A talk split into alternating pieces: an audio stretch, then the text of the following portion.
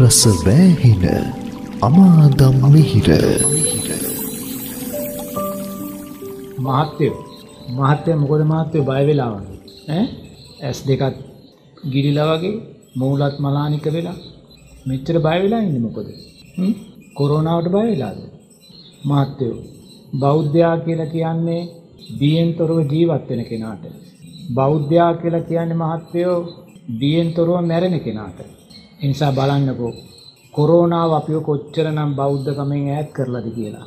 ඈ? පසුගිය කාලේ පුරාවට මහත්ව මහත්ය කොච්චර පින්කම් කරපු කෙනෙක්ද කියලා බලන්නකෝ. ඈ? දානමය පින්කම් කොච්චර කළාද? සීලමය පින්කම් කොච්චර කළාද? බුද්ධ පූජාමය පින්කම් කොච්චර කරලා තියෙනවද? ඈ? අප්‍රමාණ පිරිස් එකතු කරගෙන කොච්චරනම් පින්කම් කරලා තියෙනවද? මහත්ව කෝ මහත්ව ඒ පින්කම් වල ශක්තිය? කෝ මෙච්චර කාලයක් පංචශීලය ආරක්ෂා කළා නේද? මෙච්චර කාලයක් මෛත්‍රී චිත්තයන් ඇති කරගත්ත නේද නමුත් කෝ ඒවැ ශක්තිය පේනවා නේද මාත්‍යයෝ අපේ ජීවිත තුළින් අපි මුලාවක් තමයි කරලා තියෙනනේ අපි සැබවින්ම ධර්මය තුළ හිටියනං. අපි ඒ සමාදං වනා වූ සීලයන් ලෝබ දේශ මෝහයන්ගෙන් තොරුව වැඩුවනං. අපි වැඩුවා වූ මෛත්‍රී චිත්තයන් ලෝබදේශ මෝහයන්ගෙන් තොරුව වැඩුවනං. අපි පූජා කලා වූ දානයන් සක්කාය දිට්ටියෙන් තොරව පූජා කලානම් මහත්තයෝ මේ වගේ ව්‍යාසනයකද අපිට මෙහෙම බයක් ඇතිවෙන්න විදිහ නැහැ. තේෙන්න්නයි.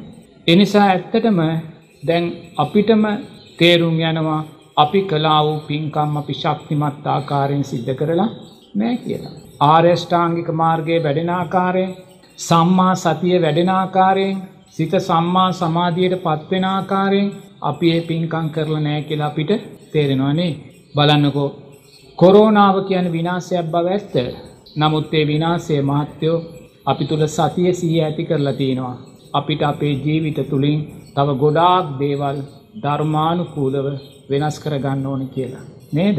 එනිසා මේ මොහොත මාත්‍යව අපි කළ යුත්තේ ඉන්දියාව වෙන විනාසය ගැන හිතීම නෙමේ. හෙට අපේ රට ඉන්දියාව තත්වට වැටේතිකෙන කාරණය ගැන හිතීම නෙමේ ධර්මය කරේ විශ්වාසය ඇති කරගන්න. බුදුරජාණන් වහන්සේ කරේ විශ්වාසය ඇති කරගන්න. ධර්මරත්නය කරේ විශ්වාසය ඇති කරගන්න. සංගරත්නය කරේ විශ්වාසය ඇති කරගන්න. මෙච්චර කාලයක් කලා වූ පින්කං සීහයට නගාගන්න. මෙච්චර කාලයක් සමාදං වනා වූ සීලයන් සිහියට නගාගන්න. මෙච්චර කාලයක් වැඩුවා වූ මෛත්‍රී චිත්තයන් සිහියට නගාගන්න.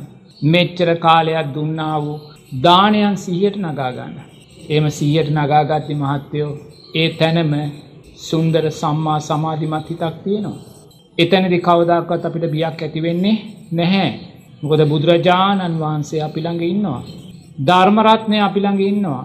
උතුම් සංගරත්නය ආසිරිවාදය අපිට තියෙනවා. ඒ විතරක් නෙමේ. අපි ජීවිත කාලය තුළ කලා වූ ඒ සියලූම කුසල් ධර්මයන්ගේ ශක්තිය අපේ ජීවිතය ඉස්සරහ තියෙනවා.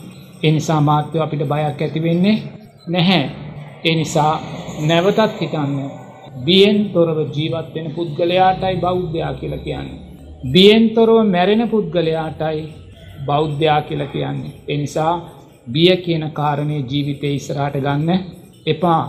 හැම වෙලාම සතිය සිහි ඇති කරගන්න බුදුරජාණන් වහන්සේගේ ගුණයන් කෙරෙයි. උතුම් ධර්මරත්නය ගුණයන් කරේ සංගරත්නය ගුණයන් කරේ සතිය සී ඇති කරගන්න. ඒ සතිය සී ඇති කරගනිද්දී ඔබ තුළ තෙරුවන් කෙරෙයි සද්ධාවක්මයි වැඩෙන්නේ. ධම්ම විජය බොජ්ජංගයක්මයි වැඩෙන්නේ. ඒ නිසාම ඔබ නැවත නැවත වීර්යවත්න තෙරුවන් කෙරේ වූ සද්ධාව තව තව ජීවිතය තුළින් ශක්තිමත් කරගන්නවා. බුදුරජාණන් වහන්සේගේ ගුණයන්ට ලංවෙනවා ධර්මරත්නය ගුණයන්ට ලංවෙනවා සංගරත්නය ගුණයන්ට ලංවෙනවා. තමන් කරගත්තා වූ කුසල් ධර්මයන්ගේ ශක්තිය ජීවිතය ඉස්සරහට ගන්නවා. ඒ නිසාම මාත්‍යයෝ එතන තියෙන ප්‍රීතියමයි. එතන තියෙන පස්සද්ධියමයි. ඒ ප්‍රීතිය පස්සද්ධිය යම් තැනක තියෙනවද මහත්තයෝ ඒ සිත හැම වෙලාම සංහිදෙනවා. ඒ සිත සමාධිමත් වෙනවා. බුද්ධානුස්සතියෙන් දම්මානුස්සතියෙන් සංගානුස්සතියෙන් ඒ සිත සමාධිමත් වෙනවා. තමන් පුහුණු කලා වූ සීලයෙන් මෛත්‍රියෙන් ඒ සිත සමාධිමත් වෙනවා. ඒ සමාධිමත් හිත සකස් වුන තැනදි පිංහතුනේ ධර්මය උපේක්ෂාවමයි. උපේක්ෂා සම්බෝජ්ජන්ගේ මයි ජීවිතයට එකතු කරගන්නේ. සංස්කාරයන්ට අදාළ ඔබ ලෝකෙ දකිනවා. ඔබ පින් කරපු කෙනෙක්. ඔබ කුසල් දහම් වඩපු කෙනෙක්. තෙරුවන් කෙරේ සද්ධාව ජීවිතයට එකතු කරගත්ත කෙනෙක්. එ නිසා පින්වතුනී ඔබ තවත් රටක වෙන්න වූ විනාසයන් දැකලා අපේම සමාජයේ වෙන්නා වූ විනාසයක් දැකලා කවදාක්වත් ඒකට ගැටෙන සිතක් ඔබ ඇති කරගන්නේ නැහැ ඔබ හේතු පල ධර්මයන්ට අදාළව ජීවිතය දකිනවා. බම් බුදුරජාණන් වහන්සේට විශ්වාසයෙන් ජීවත්වෙච්ච කෙනෙක්. තෙරුවන්ට විශ්වාසයෙන් තෙරුවන්ට ගරුත්වයෙන් ජීවත්වෙච්ච කෙනෙක්. ආර්යෂ්ඨාංගික මාර්ගයේ ශක්තිය තුළ ජීවත්වෙච්ච කෙනෙක්. ඒ නිසා මං මේ මොහොතේ පටන් බියට පත්වෙන්න හැ. මං මේ මොහොතේ පටන් බුදුරජාණන් වහන්සේ ධර්මරත්නය සංගරත්නය කරේ විශ්වාසය ජීවිතයට එකතු කරගන්නවා. එකතු කරගෙන පිංහතුනි සප්ත බොජ්ජංගයන් වැඩෙන ජීවිතයක් බවට ප්‍රීතිය පස්සද්ධිය ඇතිවෙන ජීවිතයක් බවට බියට පත් වෙලා සිටින අනෙකුත් ජනතාවට පූර්වාදර්ශී පුද්ගලය බවට පත්වෙනවා කියන අධිෂ්ඨානය අපි ඇති කරගන්න. එනිසා මාත්‍යයෝ ඔච්චර බයවෙන්න නං එපා. ඔය බයිවීම නිසාම මහත්‍යයෝ මහත්තයාගේ ලේධාතුව නිරේතුරු අපිරිසිදු වෙනවා. ලේධාතුව තිගැස්සෙනවා. ඒ නිසාම මහත්‍යයාගේ ආයුෂ වර්ණය සැපය බලය දුර්වල වෙනවා. ඒ දුර්වලනම මොහොතේ මහත්‍යයෝ කොහේ ඕ තියෙන විසබීජයක් ඇඟ ඇතුළට රිංගා ගැනීමේ ශක්තිය වැඩි වෙනවා. එනිසා බිය අයින් කරන්න. බියයින් කරලා බුදුරජාණන් වහන්සේ ධර්මරත්නය සංගරත්නය කරේ සරණ පිහිට ගන්න ඒ සරණ ජීවිතය ළඟට ගන්න ඒ සරණ ජීවිතය ළඟට ගනිද්දි මහත්තයෝ මහත්‍යයාට ඕනෙම අභියෝගක මූුණ දෙන්න පුළුවන් ප්‍රීතිය පස්සද්දිය ඒ බොජ්ජංග ධර්මයන් මහත්‍යයා ළඟට එකතු වේවී. එනිසා මහත්තයෝ මැරෙන්නවා කියන කාරණයේදී අපි මැරෙන ක්‍රමේ නෙමේ අපිට වැදගත් වෙන්නේ. මහපාරක මැරෙනවාද කොරෝනාවෙන් මැරෙනවාද වෙන හේතුවකින් මැරෙනවාද කියන කාරණය නෙමේ අපිට වැදගත් වෙන්නේ. එනිසා නිරේතුරු ඔබ දක්ෂ වෙන්න. කොරෝනාව හැදිලා අපි මැරුණත් මහත්තයෝ ඒ මැරෙන්නේ සංස්කාරයන්ගේ අනිත්‍ය භාවය දකිමින්නා මාත්‍යයෝ ඒ මරණය ශේෂ්ඨ මරණයක් මයි. ඒ මරණය බුදුරජාණන් වහන්සේ සාධකාර දෙන මරණයක් මයි එනිසා මොනම හේතුවක් නිසාවත් බියක් ඇති කරගන්න එපා.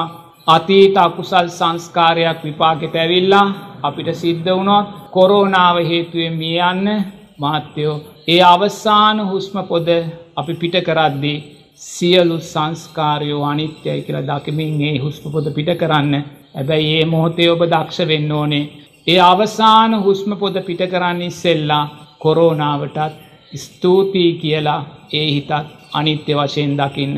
මොකදේ සුන්දර මරණය ඔබට අරන්දුන්නේ කොරෝනාව නිසා. එනිසා බිය බැහැර කරලා ධර්මය ශක්තිය ජීවිතයට එකතු කරගන්න ඒ ධර්මය ශක්තිය තුළින් කුමක්කෝ අකුසල් සංස්කාරයක් අපේ විපාකට එන්න තියෙනවනං ඒ අකුසලේ යට පත් කරලා පිංවතුනී පිංවතුල්ලාගේ ජීවිතවලට සුන්දර සප්ත බොජ්ජංගයන් වන ප්‍රීතියත් පස්සද්ධියත් ඒ වගේම සමාධියත් ඇලීම් ගැටීම් මොලින් තොරවලෝකය දකින සුන්දර උපේක්ෂාවත් ඔබේ ජීවිතයට එකතුවේවි තෙරුවන් සරණ.